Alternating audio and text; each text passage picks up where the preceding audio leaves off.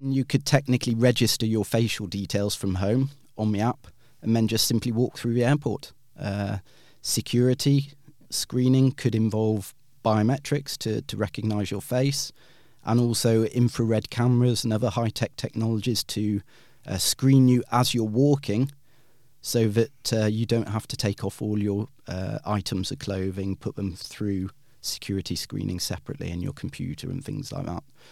So technically, biometrics, infrared cameras, and other sort of developed technologies like that could mean that you just simply turn up at the airport and walk straight through. You heard Nigel Halpern. He's a professor at Kristiania University College uh, Department of uh, Marketing, and my name is Arne Krumsvig.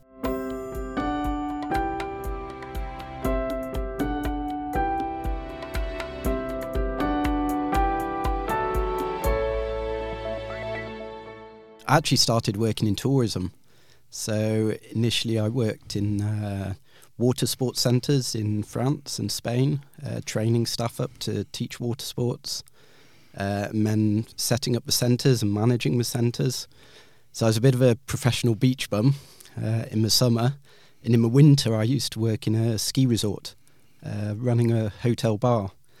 So that's quite different to, to what I'm doing now as an academic. Um, but I, would sort of towards the end of, of that sort of uh, seasonal tourism work, um, I actually tried to buy a bar in a ski resort in France. I was quite uh, passionate about skiing, so I wanted to live in a ski resort.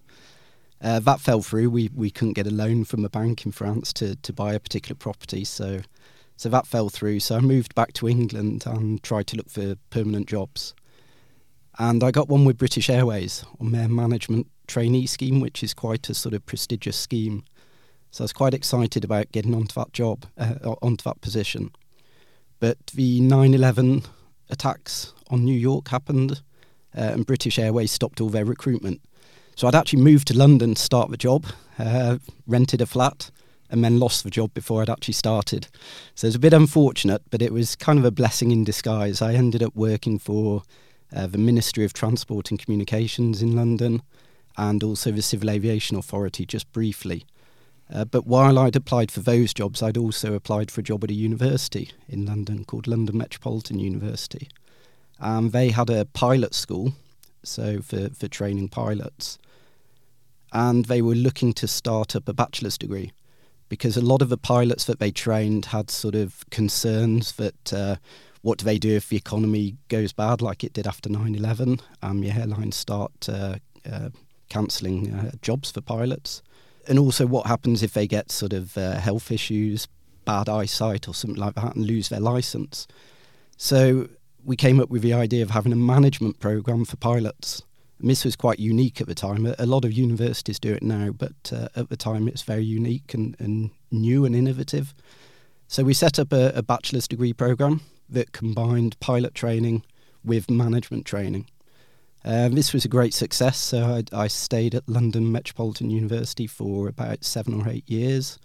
Uh, I ended up managing the programs and, and really sort of getting into uh, into aviation. So it's a bit of a strange route into academia, going from beach bum to uh, uh hopeful bar manager to uh, to academic. Um, so it's, it's, quite a strange route. Uh, when I was studying, I actually got quite attracted to aviation, so I guess I, I was always interested in it. Uh, I was studying at a time when air transport markets were being deregulated in Europe. Uh, so we had the low cost carriers like EasyJet and Ryanair setting up at that time. So as a student, I learned a lot on my tourism uh, master's degree and, and, bachelor's degree about aviation. Uh, so I guess it was a, a natural route uh, from tourism to aviation. Uh, and I've been working in aviation since then. So I'm working here at uh, Kristiania University College as a professor in air transport management and also in tourism. So I'm combining both of my key interests. And now you're looking closer at the digitization of uh, Norwegian airports. Yes, again, Matt, sort of. I'm not an expert on digitalization. I haven't come from a technology background. Um, but initially, my research was on marketing and the development of airports in terms of route development. So, how airports can attract air services, um, grow air services, and what impact that has on the local communities. Uh, for instance, in terms of tourism or population development or trade and industry. So most of my initial research was actually on, on marketing and the impacts of air transport, uh, primarily looking at the positive impacts of air transport. Uh, but obviously, you you couldn't help but notice the developments happening with digitalisation. Uh, airports have always been uh, quite innovative in terms of digitalisation, even from the earliest years you have developments in air traffic control and lighting and uh, uh, all, all sorts of things, both on air side and passenger side. So airports have always had a need to to be at the forefront of digitalisation, and uh, things have speeded up in the last sort of 10, 20 years. So I kind of uh, transitioned from looking at marketing and impacts of airports to uh, the digitalisation of airports. Most of my research has been on the passenger side, so looking at how airports can contribute to a more uh, seamless passenger journey. Obviously, when passengers travel through airports, there there are lot, lots of stages a passenger has to go through. They go through surface access to the airport, uh, check-in, security. There's then shopping, uh, airside. Um, then they go to a boarding gate and then they board the aircraft. Uh, if they're going on an international trip, they'll go through passport control and customs on arrival. So each of these stages potentially interrupts the passenger, interrupts their journey. It can be a source of great frustration to passengers, and it can also affect the service levels of the airport. Um, it's not always the airport that delivers these processes. It could be a, a security company, a ground handler, a check in, uh, a police organisation, uh, at passport control. So for airports, it's difficult to to manage the flow of passengers in a seamless way uh, and give them a good experience, but also for the airport to benefit commercially. Uh, for instance, from uh, shopping, passengers shopping at the airport. So a lot of my research then has been on looking at how digital technologies can help to smooth that process out for passengers, uh, and also bring commercial benefits to airports and and help uh, make them more financially sustainable. Which of these bottlenecks uh, were digitalized first? Um, I guess you'd have to look at check-in. Uh, that happened quite early with self-service technologies.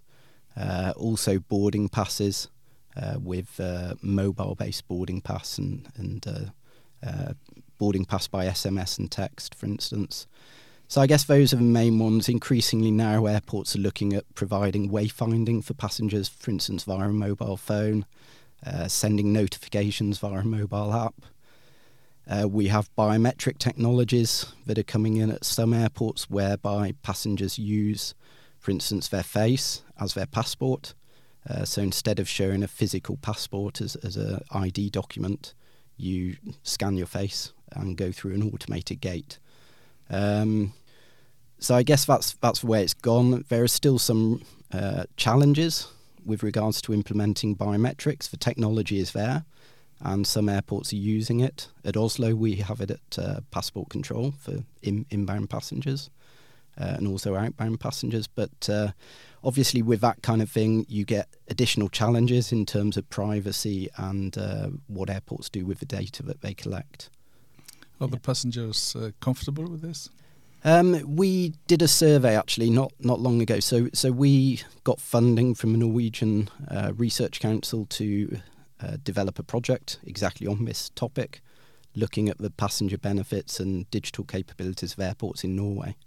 Uh, so this was a big project in collaboration with a university in the UK called Cranfield University, which is well known in the area of aviation, and also uh, Molde University College in Molde, which is uh, known for logistics.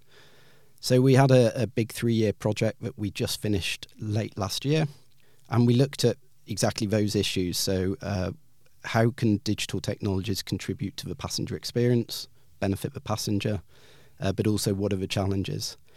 And we found that uh, about almost 30% of the passengers going through airports in Norway actually prefer manual processes they prefer to to see a human being at check-in, uh, get a paper boarding pass from them, and have their bag tagged at the check-in desk, uh, as opposed to using self-service technologies or even mobile technologies. So there's still a large proportion of passengers, almost a third in total, uh, that are still a bit apprehensive about using digital technologies. So it's not a widespread thing.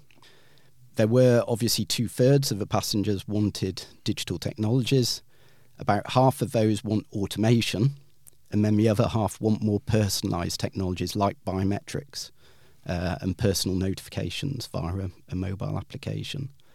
Uh, so for airports, that poses quite a challenge because you have almost a third of passengers want manual processes, almost a third want automated self-service technologies, for instance, so self-service check-in and bag drop, and about a third want things like digital bag tags and uh, uh, notifications via mobile applications. A notification if you walk too far from the gate or something like that? Yeah, well, you can have uh, notifications uh, regarding wayfinding, but also airports can potentially, in some airports, have done this, where if you download their mobile application, they can send notifications not just about wayfinding or flight status updates, but also commercial opportunities. So as you walk past a cafe, they could say, turn right into Starbucks and get a 10% discount off your next coffee uh, to try and boost commercial revenues as well.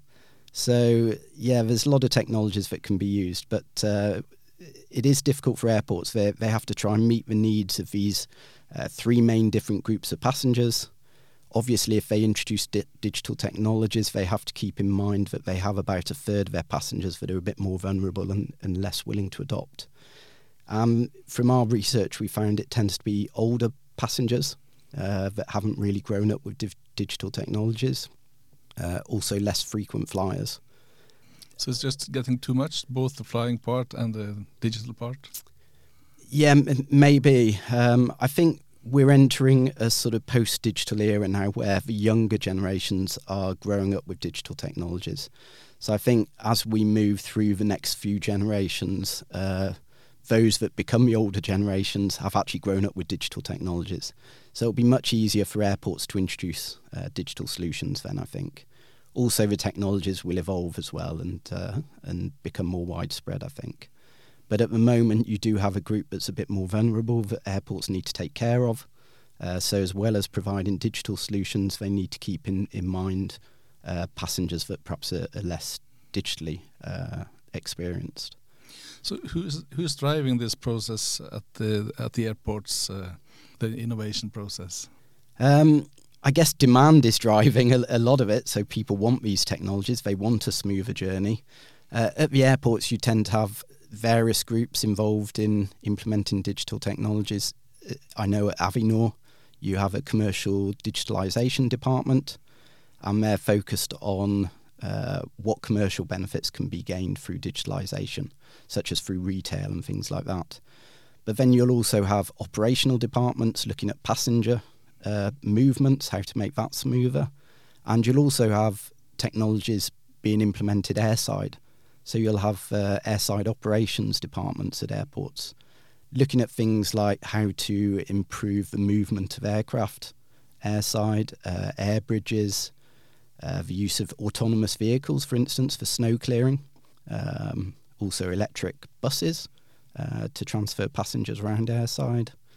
Um, also, sustain, the use of sustainable aviation fuels. So, I guess technology sort of filters through in every single department. You've also got the marketing people uh, will be looking at how to do digital marketing as opposed to, to traditional marketing. Um, so, I guess it, it's throughout the whole organisation. And it's interesting because part of our study was to look at that. We didn't just look at the technologies and passenger preferences for using technologies, we also looked at uh, the organization. And because to, to digitally transform a company, you don't just need technologies, you need to develop a digital mindset within the organization. So we looked at uh, Avinor, but also a global sample of airports. We surveyed 115 airports worldwide uh, to look at how developed their organisation is in terms of digital uh, capabilities. So, do they have a senior management support for digitalisation? Do they have a culture for digitalisation in the company? Uh, do they collaborate with stakeholders on digital initiatives? And also, do they have the competencies? And we found that generally worldwide, airports are fairly, uh, they have fairly good support uh, from senior management for digitalisation and they also um, collaborate quite well with other stakeholders. But one of the key challenges is the uh, the capabilities. So having to upskill and reskill staff uh, to to be more innovative and to introduce digital technologies to the company. Being a private pilot myself, uh, I'm a little bit worried. I have to admit about uh, the person in the tower not actually being in the tower when they're digitalizing the, the tower. Yeah, but I guess that's another area I didn't mention. I mentioned the sort of air side and the sustainable fuels and autonomous vehicles, but uh, air traffic control is another one, uh, and the the use of remote towers, which Norway has been quite innovative in. Uh, and even some airports now, there's an airport in Sweden that was uh, the first airport developed with a, a remote tower. Uh, so that's coming in as well. But again, uh, as a user, you have to be uh, confident to use that uh, that technology. Yeah. I've heard some jokes about um, the airlines wanting to have a pilot in front just for comforting the passengers, not actually flying the plane. Yeah, there's some certain low cost carriers that are quite interested in uh, not having pilots and just having one sitting there to comfort the passengers. Yeah, I guess that is uh, something they'd like to achieve in the future. yeah. But I guess it's the same in not just air transport, but public transport. You have autonomous buses uh, that have been tested in Norway. Um, so I, I, remember being down in Fornebu uh, one day and an autonomous bus came driving past, which the, the kids that uh, I had with me found quite interesting. A bus coming past with no driver, but uh, it seemed to work. what do you think is the next uh, the next step in the digitalization of, of air, air travel? Uh, I think biometrics has a lot of promise for the future. Uh, some airports are using it to a small extent. Um, but the the potential is quite enormous. Potentially, a passenger could, via a mobile application, check in at home. They could use a digital bag tag, so they could check in their bag at home, attach a digital tag to their bag, so that that's ready to check in. Um, they could even send it by drone to the airport, but uh, obviously, if they take it to the airport, they can do that. Uh, but then you could technically register your facial details from home on the app and then just simply walk through the airport. Uh, security screening could involve biometrics to, to recognize your face and also infrared cameras and other high tech technologies to uh, screen you as you're walking so that uh, you don't have to take off all your uh, items of clothing, put them through security screening separately in your computer and things like that. So technically, biometrics, infrared cameras, and other sort of developed technologies like that could mean that you just simply turn up at the airport and walk straight through. Uh, but there's still a lot of work to be done there. You have privacy issues. Uh, as you mentioned, as a, as a, pilot, you're a bit worried about the use of these technologies, uh, but passengers would, would feel the same. They'd be a bit worried about using them. So there might be a limit in terms of how much this can be developed in the near future. What are you planning to research next in these issues? it would be interesting in future studies to see what impact COVID has had on passenger preferences, whether passengers are more willing to adopt technologies now uh, to avoid touching surfaces or to comply with social distancing and things like that. And we actually changed the remit of our project and we, we did a survey uh, relating to COVID and air travel in Norway. Um, and we we did actually look at some of these issues, and passengers generally preferred more uh, passive approaches or passive solutions, such as the use of face masks and social distancing, as opposed to using technologies um, like temperature screening or virtual queuing uh, in order to deal with the, the restrictions of the COVID pandemic hopefully things are, are, moving in the right direction there now, and uh, restrictions are being dropped, and travel is returning quite uh, quite strongly now. Um, but I guess that's a, an interesting area for the future to look at how uh, COVID nineteen and other potential health pandemics could affect uh, uh, passenger preferences regarding digital technologies. Uh, another thing that I'd like to look at in the future is the the convergence of digitalization and sustainability. So a lot of my early research was on marketing and the developing of airports and the growth of air traffic uh, and the economic benefits. But as everyone knows now, there are concerns about the climate uh, that are becoming quite significant, and also social aspects related to air travel. So it would be interesting to see if these two sort of mega trends, the sustainability and the digitalization, uh, can somehow merge together so that the digital technologies can be used to uh, create a more sustainable aviation industry. And we see that already with sustainable aviation fuels and the electrification of, uh, of vehicles airside, but uh, it would be interesting to look more broadly at what those issues are. Also, how technology can help with social issues like uh, wildlife trafficking or human trafficking through airports as well. So, there's a lot of potential issues to look at there.